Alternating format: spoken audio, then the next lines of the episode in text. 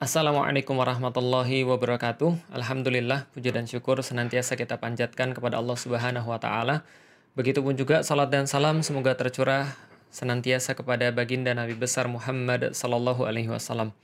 Alhamdulillah hari ke-22 Ramadan nanti malam insya Allah malam ke-23 malam ganjil dan mudah-mudahan kita sudah mempersiapkan malam ganjil mulai dari uh, sekarang.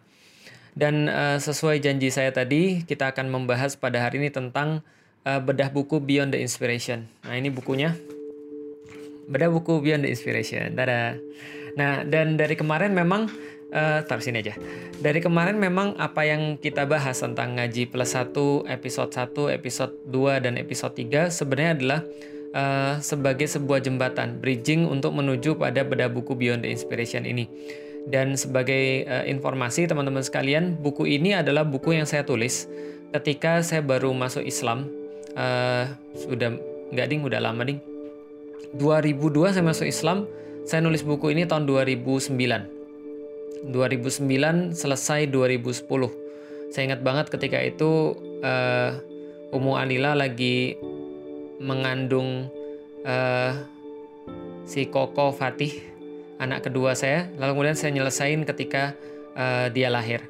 Maka buku ini sebenarnya adalah buku insight saya terhadap Islam. Jadi bagaimana saya memandang Islam sebagai orang yang dari luar Islam lalu kemudian masuk kepada Islam, belajar tentang Islam, kemudian saya menuliskan satu buku yang saya pikir akan bermanfaat buat orang-orang yang awam kayak saya.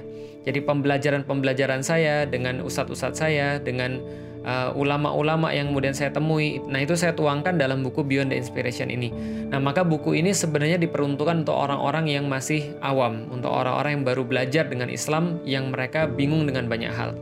Dan sebelum kita membahas tentang buku ini, teman-teman sekalian, ada beberapa hal yang menjadi pangkal permasalahan ketika orang-orang muslim itu belajar.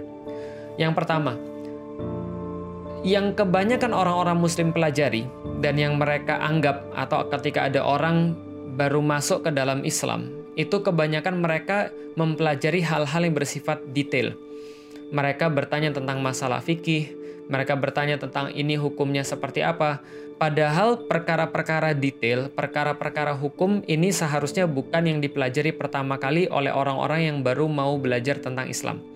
Karena ketika saya belajar tentang Islam, ketika saya uh, mengetahui tentang Islam, yang pertama kali saya ketahui bukan tentang hal-hal yang bersifat detail atau bukan hal-hal yang bersifat halal haram, tapi hal-hal yang bersifat pemikiran, hal-hal yang bersifat dasar, yaitu adalah ya sesuatu yang besar yang bersifat pemikiran. Ini adalah problem yang pertama. Yang kemudian saya tuliskan di sini karena itulah dalam buku ini tidak ada satupun pembahasan hampir tentang perkara fikih, tentang perkara hukum, tentang perkara hal dan haram, tapi yang saya masukin pertama kali adalah sudut pandangnya dulu, cara pandang seorang muslim. Karena semua segala sesuatu dimulai pasti dari persepsi. Itu yang pertama.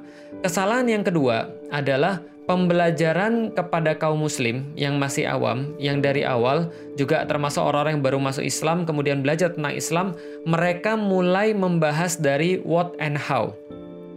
Ini juga problem. Karena what and how itu adalah permasalahan spesifik seperti yang saya katakan. Contoh, what apa, how bagaimana. Apa yang dipelajari oleh orang-orang muslim yang ketika mereka belajar agama di SD misalnya. Dalam dalam PAI mereka pelajaran agama Islam mereka, mereka mempelajari tentang toharoh. Mereka mempelajari tentang apa itu air yang suci. Apa itu bersuci. Apa itu yang dinamakan dengan air suci dan mensucikan jenis-jenis najis, bagaimana cara menghilangkan najis dan seterusnya. Ini semua tentang what and how. Mereka belajar setelah itu tentang sholat, yaitu apa itu sholat, definisi sholat, rukun-rukun sholat, syarat-syarat sholat, semuanya dihafal. Lalu kemudian mereka belajar bacaan-bacaan apa ketika melakukan sholat.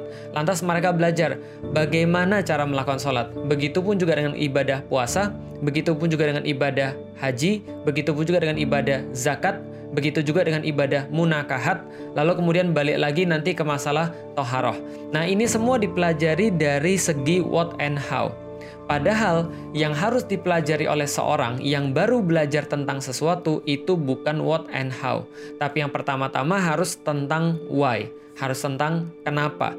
Kenapa saya harus sholat? Kenapa saya harus puasa? Kenapa saya harus Islam? Kenapa saya harus Allah Tuhannya? Kenapa harus Muhammad nabinya? Kenapa harus Al-Quran? Ini dasar-dasar yang menimbulkan satu motivasi, satu dorongan untuk melakukan sesuatu, satu keinginan untuk senantiasa mau memperdalam. Maka kalau ada orang yang dia mempelajari what and how, tapi gagal untuk mempelajari why, maka muncul orang-orang yang tahu tentang bagaimana tata cara beribadah, tahu persis bagaimana ibadah itu seharusnya, tahu persis apa itu ibadah, tapi mereka tidak mau melaksanakan ibadah.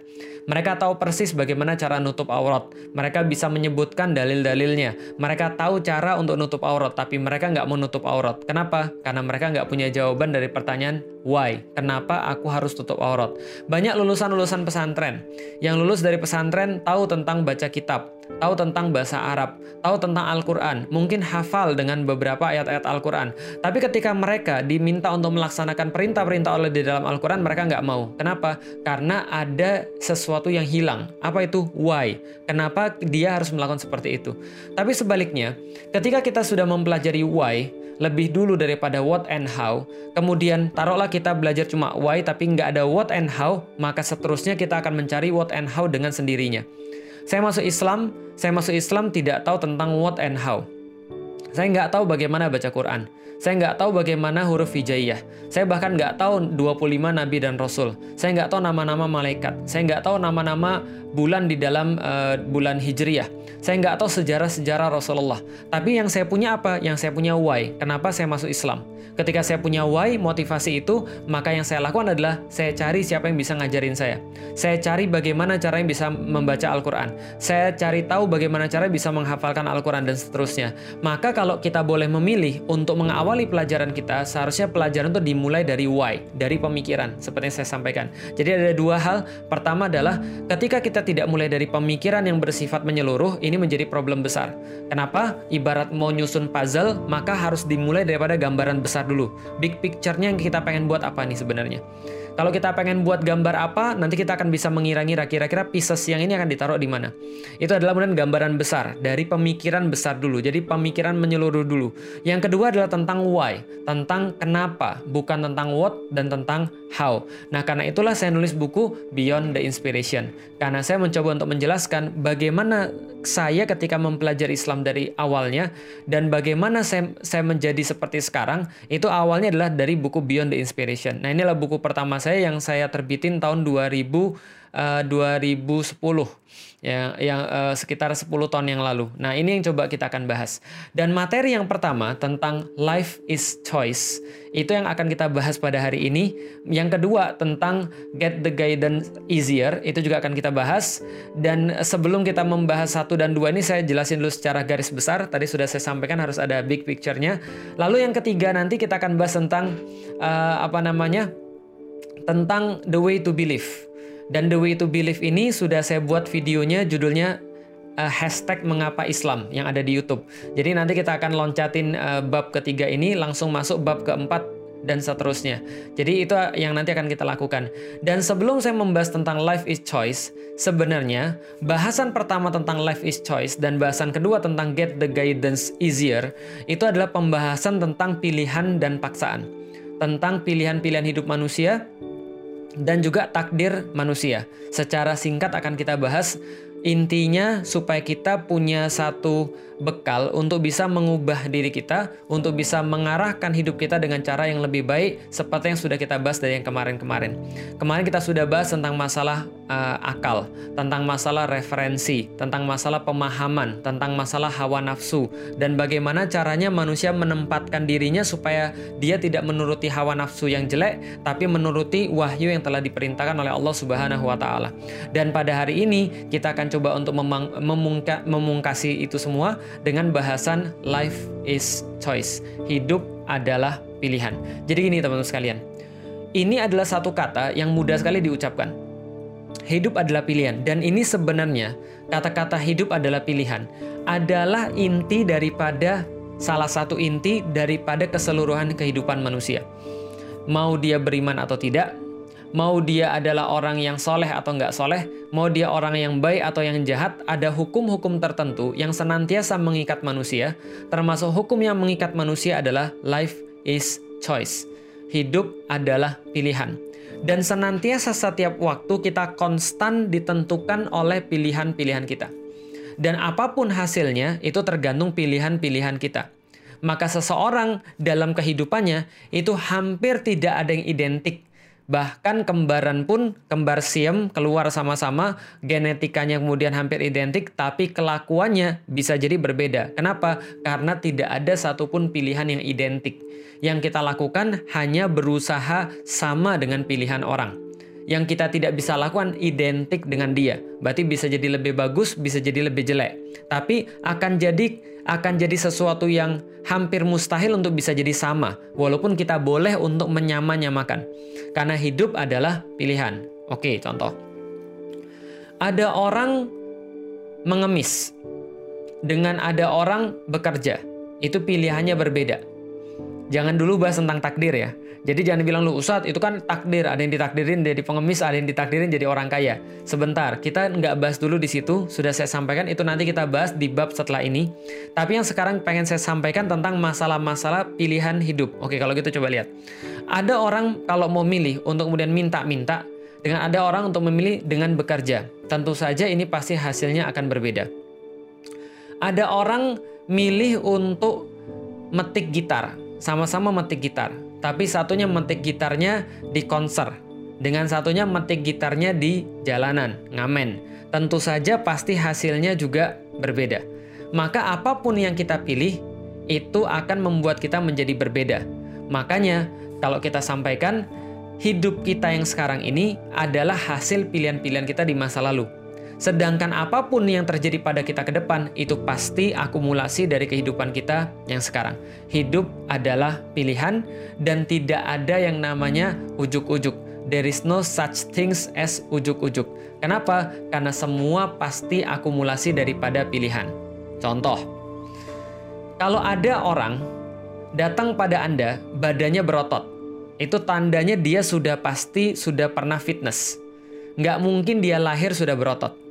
Kalau ada orang datang kepada Anda, lalu kemudian dia sangat fasih dalam berbicara, maka dia pasti bukan pertama kali bicara pada Anda.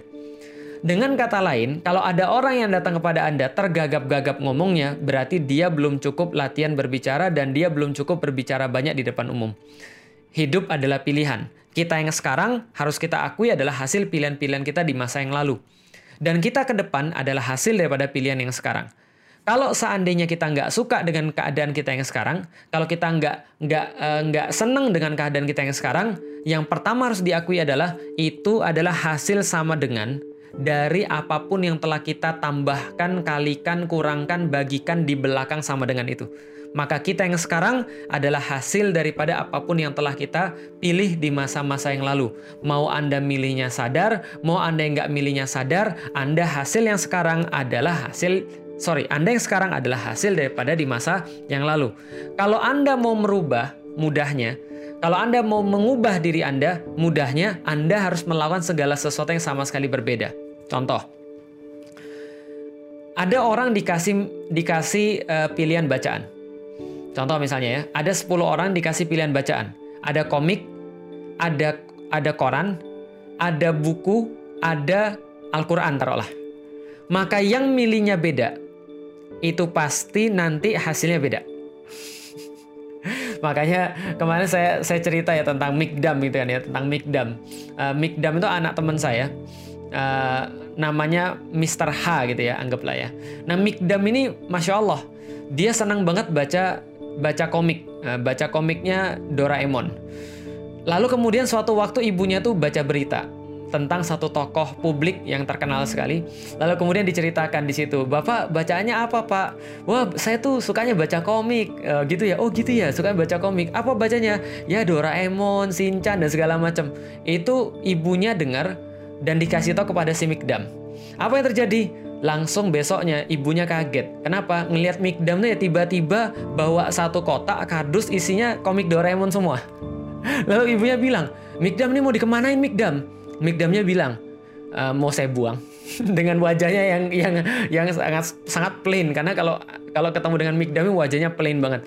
Saya mau saya buang. Lo kenapa dibuang? Terus dia diem aja.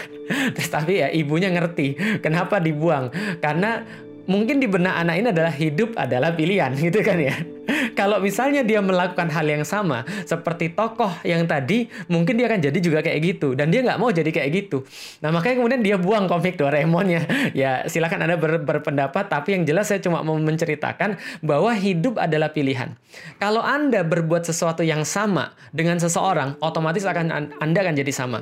Saya sering bilang bini sama orang-orang yang uh, dulunya jadi OB atau dulunya jadi karyawan biasa atau apa pun lah dan kebanyakan alhamdulillah sekarang sudah naik uh, jabatannya saya bilang begini uh, mas sama karyawan misalnya mas gajinya berapa mas waktu itu dia bilang satu setengah juta Ustadz uh, oh gitu ya satu setengah juta cukup nggak mas nggak cukup Ustadz Oh gitu ya, oke. Okay.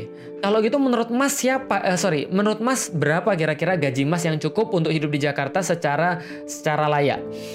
Uh, ini Pak, uh, ini Ustadz, kira-kira mungkin 5 juta Ustadz. Oke kalau gitu. Saya tanya sama dia, di kantor ini Pak, uh, di kantor ini Mas, siapa yang punya gaji 5 juta?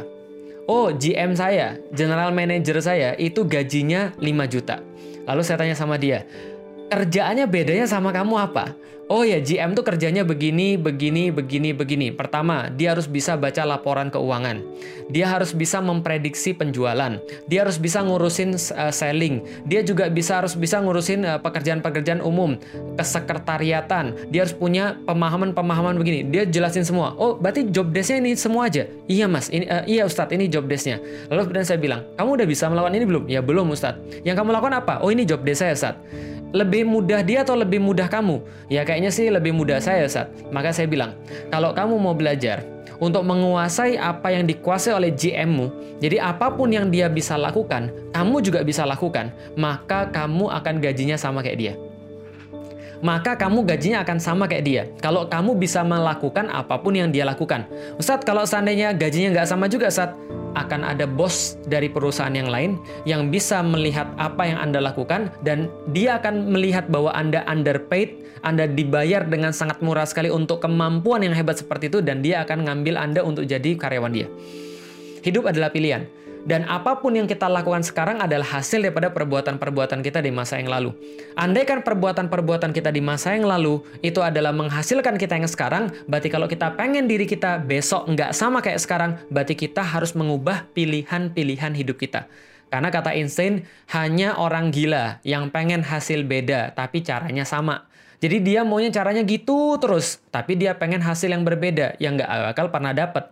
Dia tahu bahwa kehidupan yang sekarang itu membuat dia misalnya contoh tidak bisa menghafalkan Quran sedikit pun. Tapi dia nggak ada yang mau berubah dalam hidup dia, yang nggak bakal apa-apa. Dia tahu bahwa selama ini kehidupan dia itu tidak membawa dia untuk punya pasangan. Ada orang pengen nyari pasangan, misalnya, kok nggak dapet dapet jodohnya? Ya nggak dapet dapet karena anda gitu-gitu terus. Coba kalau anda melakukan sesuatu yang berbeda, ikut ngaji jomblo 1 sampai 16 episode, minimal ada sesuatu tambahan, berarti nanti hasilnya juga ada tambahan. Kalau Anda kemudian melakukan dakwah, Anda melakukan sesuatu, pasti hasilnya tambahan juga. Ini sesuatu yang berlaku secara umum. Dan secara Islam pun sangat diakui. Maka secara islami, orang yang pengen hasil yang istimewa pasti melakukan hal-hal yang istimewa. Allah katakan di dalam Al-Quran, dalam surat yang sering kita baca, Iya kana abudu wa iya kana. Wahai manusia, berdoalah kepada Allah dengan cara, Iya kana abudu wa iya kana. Kepada engkau kami beribadah, kepada engkau kami minta tolong. Konsekuensinya apa? Kalau permintaan tolongnya lebih besar, ibadahnya juga harusnya lebih besar. Maka dalam Al-Quran kita lihat kisah-kisah orang-orang yang minta tolong pada Allah dengan permintaan yang sangat besar, itu dia juga akan mengkompensasinya dengan perbuatan-perbuatan dia yang lebih besar.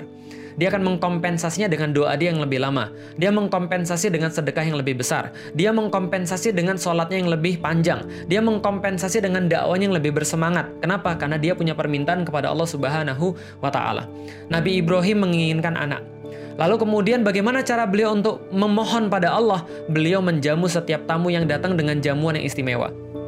Di dalam Al-Quran diceritakan, datanglah tamu di malam hari, lewat tengah malam, datang pada uh, pada Nabi Ibrahim, masuk ke rumahnya. Nabi Ibrahim menyuruh istrinya untuk menyembelih kambing, lalu kemudian membuat membuatkan makanan buat tamu-tamu itu. Padahal dia nggak tahu itu siapa. Ternyata malaikat memberikan kabar gembira, Ibrahim kamu akan diberikan anak oleh Allah. Begitu pun juga dengan Maryam, begitu pun juga dengan Zakaria ketika minta kepada Allah uh, seorang anak yang dia harap-harap nggak dapat dapat. Akhirnya setelah dia lihat uh, Maryam mendapatkan banyak sekali buah-buahan, banyak sekali makan makanan yang yang nggak pernah ada di situ, dia bertanya, Anna laki hadza, dari mana kamu dapat semua ini? Huwa min indillah, katanya Maryam, saya dapat itu semua dari Allah. Dan lalu kemudian dia melihat, oh di situ kemudian mihrabnya Maryam. Maka Zakaria langsung sholat di tempat istimewa itu, melakukan hal yang istimewa. Lalu setelah itu turunlah kemudian malaikat berkata, Allah telah memberikan kabar gembira kepadamu dengan adanya Yahya. Orang pengen istimewa, hasilnya maka dia melakukan dengan istimewa juga. Itu sudah berlaku. Sama, kalau ada orang menginginkan sesuatu, berarti dia harus ada yang berubah. Kalau sekarang dia belum dapat nih, kalau seandainya dia sekarang belum dapat apa yang dia inginkan, karena dia sudah mencoba dengan satu cara, berarti harus ada cara yang berubah. Misal, dulu ketika saya masih masih uh, masih baru masuk Islam, saya baca satu penelitian. Apa penelitiannya? Penelitiannya adalah kalau saya nggak salah, orang Malaysia itu baca baca buku sekitar 10 sampai 20 judul buku per tahun. Itu orang Malaysia. Orang Amerika itu baca rata-rata 20 sampai 30 buku per tahun. Itu orang Amerika. Orang Jepang itu baca rata-rata buku 40 buku per tahun. Itu yang saya baca. Indonesia, start. Oke, Indonesia. Indonesia rata-rata baca buku 0,001 buku per tahun. Itu minat baca orang Indonesia. Selamat. Jadi kalau Anda tidak pernah baca buku, Anda Indonesia banget. Kenapa? Minat baca orang Indonesia cuma satu di antara seribu orang. Atau kalau 0,001 tadi adalah satu orang itu baca 0,001 buku per tahun. Atau mungkin dia cuma baca buku cuma judul sama kesimpulan. Itu pun gak habis. Itu pun salah kesimpulannya lah berarti saya mikir berarti kalau saya pengen lebih daripada kebanyakan karena kebanyakan manusia di Indonesia itu baca cuma 0,001 buku per tahun sorry 0,0001 buku per tahun kalau saya nggak salah nanti cek aja minat baca orang Indonesia ya kira-kira ada koma-koma dan ada nolnya. Lalu kemudian saya bilang kalau saya mau untuk lebih daripada orang Indonesia karena Indonesia yang sekarang adalah hasil minat baca mereka yang kemarin, maka saya harus baca buku lebih daripada orang Malaysia, lebih daripada orang Amerika, lebih daripada orang Jepang. Maka saya target diri saya. Saya target diri saya, saya mau lebih daripada orang-orang kebanyakan. Bagaimana cara saya harus lebih daripada orang-orang kebanyakan? Jangan pilih yang mereka pilih. Karena pilihan-pilihan mereka menghantarkan siapa mereka yang sekarang. Maka saya harus lebih daripada mereka. Kenapa? Karena visi saya akhirat, maka sesuatu yang saya lakukan lebih harus lebih daripada mereka. Karena kalau visi mereka hanya dunia, orang-orang Amerika visinya cuma dunia saja, baca 40 buku per tahun. Orang orang Jepang nggak punya visi akhirat itu baca 40 buku per tahun. Bagaimana mungkin saya bervisi akhirat katanya, saya pengen surga katanya, yang jelas yang lebih tinggi daripada mereka keinginan saya, tapi saya cuma baca buku cuma 0,0001 buku per tahun. Ini nggak masuk akal. Maka saya mentarget diri saya sendiri. Berapa yang saya target? Saya target diri saya untuk membaca 80 buku per tahun. Tahun pertama, tahun kedua, tahun ketiga, 80 buku per tahun. Tahun keempat, tahun kelima, eh, enggak lagi gitu kan ya. Tapi lumayan gitu kan ya. Lumayan. Hasil daripada itu pun sudah lumayan. Karena berdasarkan salah satu penelitian, uh, kalau ada orang baca 50 buku per tahun pun dia sudah setara dengan S1 karena S1 tuh baca 50 buku per tahun un, sorry baca 50 buku dalam uh, disiplin ilmu yang mau dia kuasai. Artinya Anda harus jadi sesuatu yang berbeda kalau Anda menginginkan hasil yang berbeda. Tapi kalau Anda maunya gitu-gitu aja, dari pagi sampai malam Anda cuma gitu-gitu aja, ya sudah, terimalah hidup Anda juga yang gitu-gitu aja. Ya kalau Anda Anda konten, Anda puas, Anda happy dengan kehidupan Anda yang sekarang ya nggak ada masalah, terusin aja. Maka Imam Tobari juga tahu yang perkara-perkara kayak begini. Maka Imam Tobari itu masya Allah Ya ini ini ini sulit untuk di untuk di untuk disaingi. Kenapa? Imam Tobari itu adalah seorang sejarawan terkenal. Seorang penulis dan sejarawan terkenal. Sekaligus kemudian seorang mufasir juga. Apa yang beliau lakukan? Beliau nulis setiap hari itu 40 halaman selama 40 tahun. Bisa bayangin ya. Jadi setiap hari nulis 40 halaman selama 40 tahun. Maka wajar aja tarikh Rasul wal Muluk itu yang kemudian yang beliau tulis itu Masya Allah, sorry. Tarikh Tobari itu yang beliau tulis itu Masya Allah. Itu panjangnya minta ampun. Nah kenapa? Karena beliau itu nulisnya setiap hari 40 halaman dan setiap hari nulis selama 40 tahun. Konsisten dan beliau terus-menerus seperti itu karena dia tahu apa yang dia ingin capai. Hidup adalah pilihan, maka jangan harap hasil yang berbeda kalau Anda mau pilihan-pilihan yang sama. Contoh lagi misalnya, Dulu pas SMP, saya sudah bilang bahwa ini tidak ada kaitan dengan orang-orang yang beriman atau tidak beriman, atau orang-orang yang jahat atau baik, ini nggak ada kaitan. SMP saya belum beriman pada Allah. Yang saya lakukan adalah tetap konsep hidup adalah pilihan. Waktu itu dulu pas SMP itu banyak sekali cowok-cowok yang belagak maco. Ya teman-teman tahu lah ya cowok gaul gitu kan ya. Seperti apa cowok gaul? Ya cowok gaul itu adalah yang pakai anting-anting sebelah kiri. Nah gitu kan ya. Kenapa? Anting-anting sebelah kiri itu adalah artinya gaul. Sebelah kanan banci. Dua-duanya cewek. Siapa yang bikin kayak gitu? Siapa yang bikin konsensus kayak gitu? Yang jelas sebelah kiri adalah gaul jantan. Maka kemudian apa lagi? Mereka biasanya pakai pakai baju gambarnya serem-serem. Marijuana uh, gambar tengkorak gambar ular gitu kan ya, gambar uh, bibir doer, lalu kemudian ada ada pistol dan segala macam uh, gambar ya segala macam lah. Lalu biasanya kalau pakai baju itu kalau pas zaman saya itu bajunya dikeluarin. Jadi gobor-gobor bajunya dikeluarin. Celananya itu juga gobor-gobor di bawahnya terus kemudian dipotong agak sedikit ke atas. Itu zaman saya SMP. Dan mereka bilang inilah namanya anak gaul dan mana-mana ngerokok gitu kan ya. Mana-mana ngerokok walaupun satu rokok joinan berlima atau bersepuluh gitu ya. Tapi mana-mana ngerokok. Kenapa? Mereka bikin satu image bahwa inilah cowok gaul. Saya bilang sorry saya nggak ikut ikutan apalagi kalau mereka pakai ada tato gitu kan ya. Tato sebelah kiri tangan kiri. Apa sebelah kiri? Sebelah kirinya gambar tengkorak. Terus ada X di bawahnya. Sebelah kanan tato juga. Apa tatonya? Uh, mawar. Terus kemudian tangke tangkenya berduri. Terus kemudian ada ular kemudian uh, apa namanya membilet di sana lalu tulisan di bawahnya I love mama. Gitu kan ya. Jadi ini adalah contoh. Saya bilang saya nggak mau ikut ikutan kenapa nggak mau ikut ikutan life is choice. Hidup adalah pilihan. Kalau seandainya saya memilih sama seperti mereka saya jadi sama kayak mereka saya bilang sama mereka bro kita nggak selama lamanya jadi anak SMP suatu saat nanti kita akan masuk SMA setelah kita masuk SMA, kalau kita lulus, kita akan kuliah. Setelah kita kuliah, maka kita akan kerja, atau kita akan cari uang, atau kita akan bisnis. Setelah kita bisnis, kita akan nikah. Setelah kita nikah, kita akan punya anak. Dan ketika saya punya anak, saya pastikan saya nggak mau punya anak yang ngelihat bapaknya kayak begitu. Kenapa? Saya mau anak saya bangga sama bapaknya. Maka nggak akan anaknya bangga kalau sama bapaknya, kalau ngelihat bapaknya kayak begitu. Sorry bro, hidup adalah pilihan. Saya nggak mau ikut-ikutan. Mereka bilang, ah banci lulik.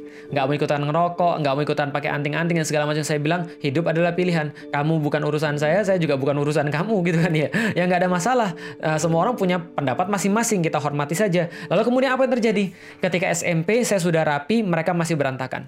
SMA saya sudah kemudian menguasai banyak hal. Saya uh, saya saya di SMA punya banyak sekali pencapaian dalam bidang dalam bidang uh, pendidikan. Mereka nggak dapat apa-apa. Lulus kuliah saya dapat di IPB. Mereka mungkin masih bingung kemudian kuliah di mana.